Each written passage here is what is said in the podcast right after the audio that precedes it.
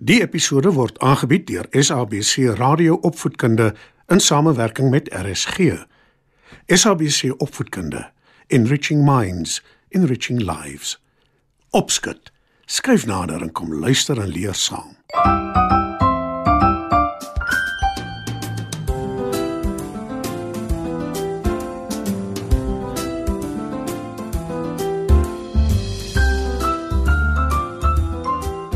Goeienaand, maats. Is reg, is weer tyd vir julle eie program opskit. Ons word van kleins af geleer dat ons nie sommer enige iets vir enige iemand kan sê nie. Nie waar nie, maats?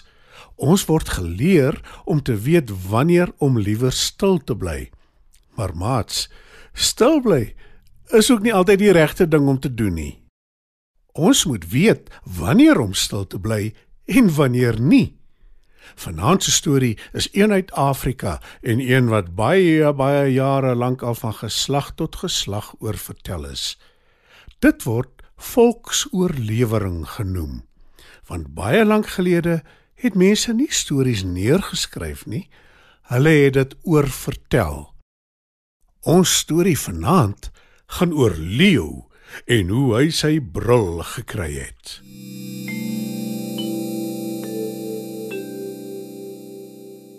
Daar was 'n tyd lank, lank gelede toe Leo 'n baie sagte stem gehad het. En soos wat jy kan dink, pla dit hom baie. Ek is so 'n groot sterk dier. Maar wanneer ek probeer brul, is al wat uitkom 'n sagte piep geluid. Sê Leo dikwels moedeloos vir homself. Maar die ander diere is wel bang vir hom want hy kan stilletjies sluip en baie vinnige ander dier gryp en opeet wanneer hy honger word. Want dit is maklik vir leeu om te jag. Die diere is so bang vir hom dat hulle wens hy wil net enige soort geluid maak wat hulle sal waarsku hy is op pad om hulle te vang en op te eet. Na ruk besluit die diere daar moet iets aan die saak gedoen word. Daar moet 'n plan gemaak word. Vroeg een oggend roep Buffel toe al die diere bymekaar vir 'n vergadering by die watergat. Dis so vroeg dat die voëls skaars begin sing het om almal te vertel dis 'n nuwe dag. Die diere is almal by die spesiale vergadering. Net Leo is nie daar nie, want dit is heeltemal te vroeg vir hom om al op te wees. Toe Buffel tevrede is dat almal daar is, groet hy hulle en hy sê: "Ek het julle almal hier saamgeroep omdat ons 'n groot probleem het. En ons moet sommer vandag nog iets daaraan doen. Ek glo julle almal weet wat dit is, né? Nee?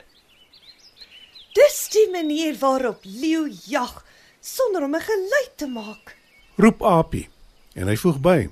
Een van die dae is die hele klomp van ons opgeëet. Ons kinders sal nie eers kans kry om groot te word nie. Ek dink ons moet 'n klok om leeu se nek hang dan sal ons hom van ver af hoor aankom. Die diere praat onder mekaar oor die idee, maar hulle besluit dis onprakties, want die een van hulle sien kans om die klok om Leo se nek te hang nie. Daarvoor is hulle almal te bang vir hom. Toe staan Haas op. Hy maak keel skoon en sê: "Asseblief, uh, laat my toe om Leo te laat brul. Ek beloof julle, ek sal dit regkry voor die son sak vandag." Die ander diere is skepties toe hulle dit hoor. Maar Buffel sê: "Nou goed. Ons sal jou 'n kans gee. Ons hoop maar net jy kry dit reg." Haas laat nie op hom wag nie. Hy loop reguit na Leo se lêplek toe in 'n grot naby die berge. Hy staan op 'n rots en roep hard: "Ek is jammer, Leo, maar ek bring slegte nuus so vroeg in die oggend." Leo kom vies uit die grot geloop en sê: Vir wat is jy so lastig, Haas? Jou broer is baie siek. Hy is so siek dat hy my gestuur het om jou te kom roep. Antwoord Haas. En waar is hy nogal? Vra Leo en Haas antwoord aan die ander kant van die berg. Ek sal jou soontoe vat. Leo dink ruk na. Toe sê hy: "Jy beter nie vir my jok nie. Want as jy jok, gaan jy baie jammer wees." Nat Natuurlik nie. Jok haas verder. Want ja, hy jok. Maar dis al 'n manier om die ander diere te help. Die twee, dis nou Haas en Leo, begin loop. Na 'n hele ruk, toe Haas en Leo begin moeg raak, stel hy voor dat hulle eers 'n ruk rus. Leo stem dadelik in. Hy gaan lê uitgestrek op die grond en is sommer gou vas aan die slaap. En dis die kans waarop Haas gewag het. Hy roep vinnig 'n heuningvoël nader wat hulle nog die hele tyd volg sonder dat Leo dit agtergekom het. Hulle het vooraf ooreengekom dat sy haas sal help. Heuningvoël lei haas na 'n bynes toe. Haas haal 'n groot koek heuning uit en los 'n stuk daarvan vir heuningvoël. Sy is tevrede en haas loop nou na Leo toe met die res van die heuningkoek. Hy druk die heuning uit die koek uit en drup dit op die slapende leeu se ore, sy neus, sy nek, sy pote en selfs onder sy stert en op sy boude. Toe hardloop hy weg so vinnig as wat sy bene hom kan dra. Hy weet dat die bye binnekort wie ook al hulle heuning gesteel het, sal aanval.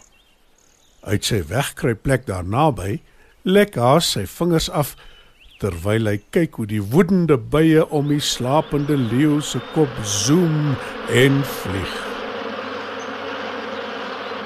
En toe skielik spring leeu op. Die bye is besig om hom op sy hele lyf te steek. Die ergste is sy ore en sy neus om nie eers van onder sy stert te praat nie. Hy weet glad nie hoekom die bye hom aanval nie. Leo skree van pyn Hy roep oor en oor om hulp. Hy spring op en af totdat sy stem op die ou einde breek.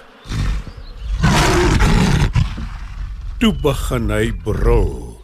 Dit weer galm oor die berge, tussen die klowe en oor die groot rivier aanderkant die berge. Elke enkele dier hoor die magtige gebrul van die leeu en hulle weet Haas het sy belofte gehou.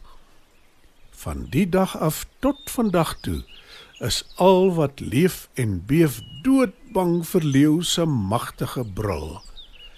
En omdat hulle hom van ver af kan hoor, het hulle daarom kans om te probeer wegkom wanneer hy hulle wil vang om op te vreet wanneer hy jag. En toe word hy sommer ook die koning van die diere gedoop.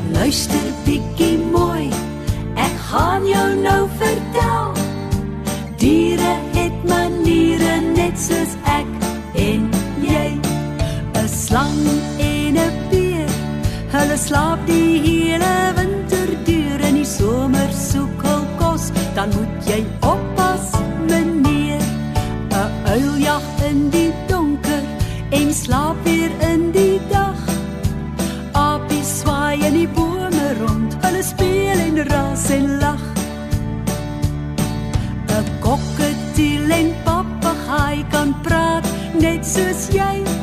En 'n Piet my vrou soek altyd 'n maat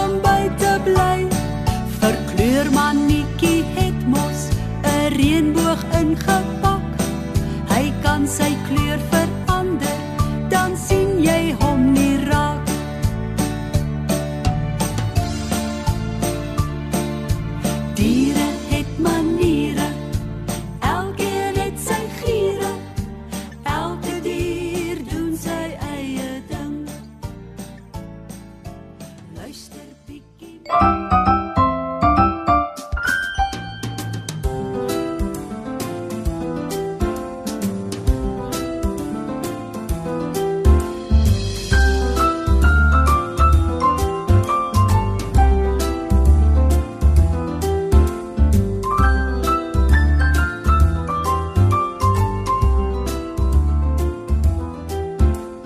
Vanaand se program is aangebied deur SABC Radio Opvoedkunde in samewerking met RSG.